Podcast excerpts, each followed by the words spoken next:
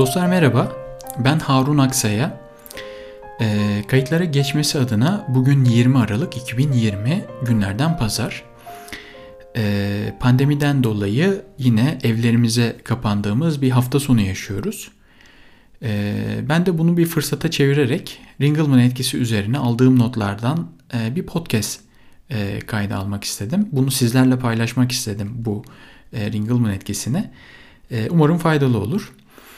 E, Ringelmann etkisi nedir derseniz de aslına bakarsanız bu hepimizin belki kavramsal, terimsel olarak bilmiyorsak dahi e, bu fenomene birçoğumuz maruz kalmış olabiliriz.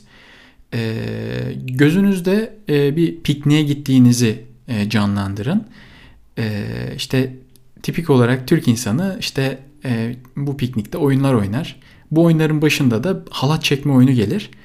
E, halat çekme oyununu e, tarif edecek olursak da işte bir halat olur ve halatın e, her iki tarafında da insanlar e, birbirlerini çekmeye çalışır. Kim çekerse de ve çizgiyi geçirirse de başarılı olur. İşte Ringelmann etkisi yani bu fenomen tam olarak şöyle bir şey.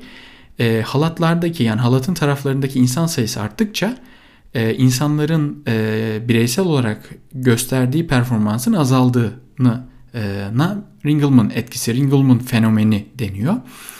E, peki neden Ringelmann ismi verilmiş derseniz de e, bu kavramı, bu fenomeni bulan e, Fransız ziraat mühendisinin ismi Maximilian Ringelmann. Ringelmann 1913 yılında beygirlerin performanslarını araştırırken bir faytonu çeken iki koşum hayvanının performansının tek bir beygirin performansının iki katına eşit olmadığını tespit ediyor ve çok şaşırıyor. Hemen bu e, hayvanlar üzerinde yapmış olduğu çalışmanın benzerini insanlar üzerinde yaparak az önce de bahsettiğim halat çekme oyununu kurguluyor ve çok ilginç verilere ulaşıyor. E, halatın iki tarafında da tek bir insan olduğunda yani birer insan olduğunda e, insanlar güçlerinin %100'ünü kullanıyor.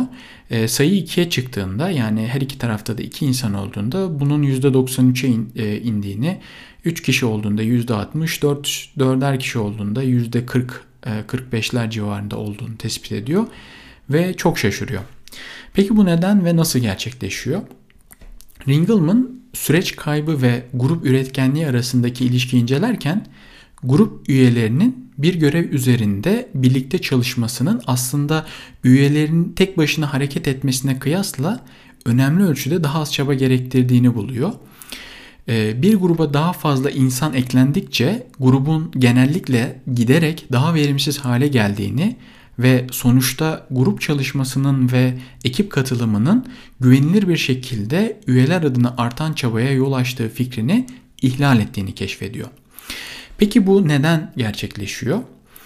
E, Ringelmann'a göre çeşitli kişisel e, ki, kişiler arası süreçler grubun genel yeterliliğini azalttığı için gruplar tam potansiyellerine ulaşmada başarısız oluyorlar. Yani grupların üretkenliğinin azalması için potansiyel kaynaklar olarak iki farklı süreç tanımlanıyor. Bunlardan birincisi motivasyon kaybı, diğeri de koordinasyon sorunları.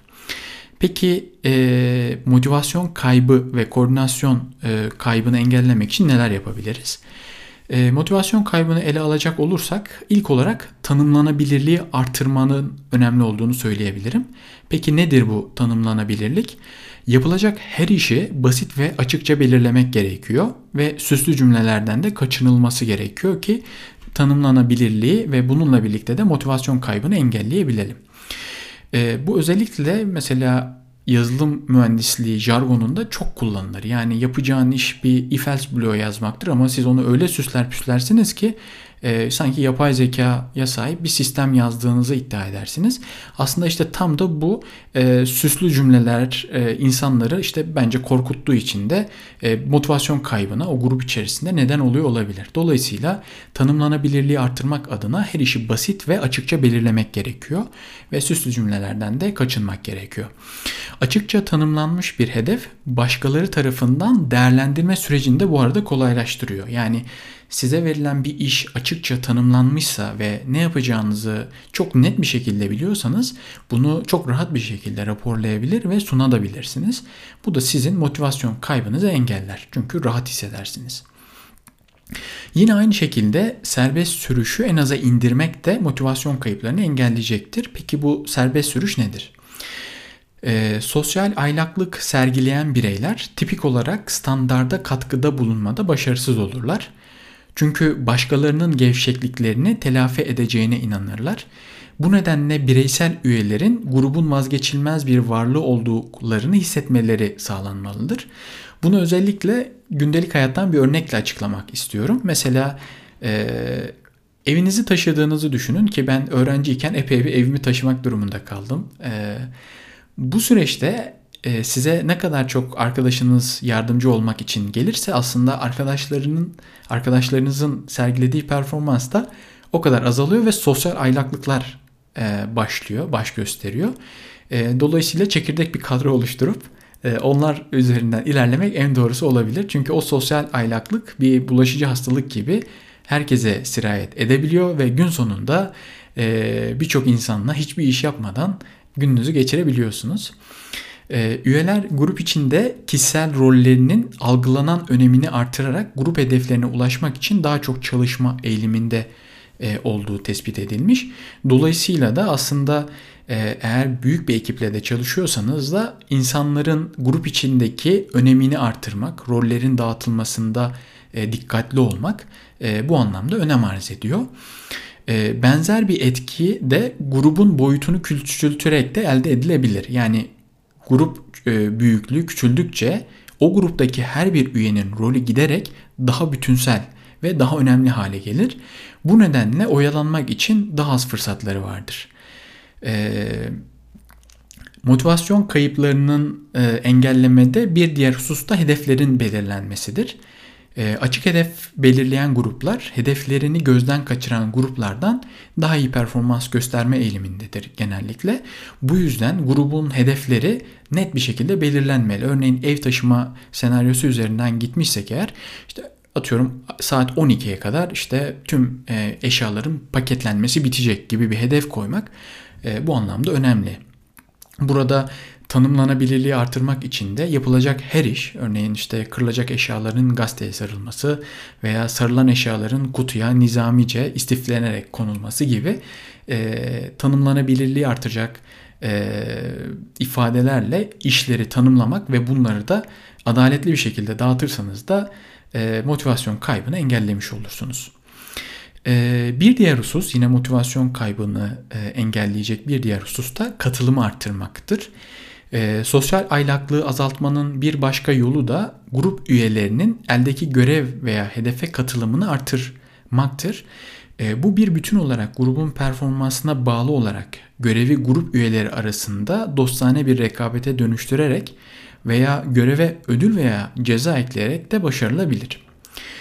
E, motivasyon kaybından sonra diğer bir husus yani Ringelmann etkisinin oluşmasına neden olan bir diğer husus da koordinasyon sorunlarıdır. Koordinasyon kayıplarını engellemek adına da grup üyeleri verilen bir görevi tam, tanım, tamamlamak için gereken yetenek ve uzmanlığa sahip olsalar bile çabalarını verimli bir şekilde koordine etmekte başarısız olabilirler. Bu çok normal bir durum. Yani çoğu insan işinde mahir olabilir ama işi koordine etmekte mahir olamayabilir. İşte bu noktada da grubun yöneticisi, grubun lideri bu koordinasyonu sağlamakla e, mükellef, görevli e, ve bunu yapmak durumunda. E, kabaca e, Ringelmann fenomeninin neden olma e, neden gerçekleştiğini de özetlemiş olduk. Bunlar birincisi motivasyon kaybı, ikincisi de koordinasyon kaybı. Bunu engellemek için yapılacaklar da aslında e, basit şeyler. Yani üzerinde biraz kafa yorularak e, gruplara uy- uyarlanabilecek hususlar e, olarak özetleyebilirim. E, peki Dingleman etkisi nerelerde gözükür? Tabii bu bunu bir startupta görmek çok zor. Yani startup bir girişimde e, Ringelmann etkisini görmek çok zordur. Çünkü zaten ekip çok küçüktür ve herkes e, o halatın iki tarafında da bir kişi varmış gibi tüm tam performansıyla çalışır. Ee, özellikle kurumsal şirketlerde, büyük holdinglerde Ringelmann etkisini görmek e, çok daha olası. Çünkü organizasyon yapısı büyüdükçe, ekipler büyüdükçe e, bu tür motivasyon kayıpları ve koordinasyon kayıplarına bağlı olarak e, Ringelmann etkisi, Ringelmann fenomeni e, göze, e, gözükecektir. Bunu engellemek adına da işte e, yöneticilerin, e, grup liderlerinin bu hususlara dikkat etmesi gerekiyor. Özetleyecek olursak bireyin fark edilirliği, e, bireyin fark edilirliği azaldıkça yani bir grup içerisindeki fark edilirliği azaldıkça bireysel olarak sarf ettiği performansı da azalmaktadır. E, buna da sosyal tembellik ya da Ringelmann fenomeni ismi verilmektedir. Evet dostlar, bugün sizlerle Ringelmann fenomeni üzerine konuştuk. Umarım faydalı olmuştur. E, beni dinlediğiniz için çok teşekkür ederim. Bir sonraki podcast yayınında görüşmek üzere. Sağlıcakla kalın.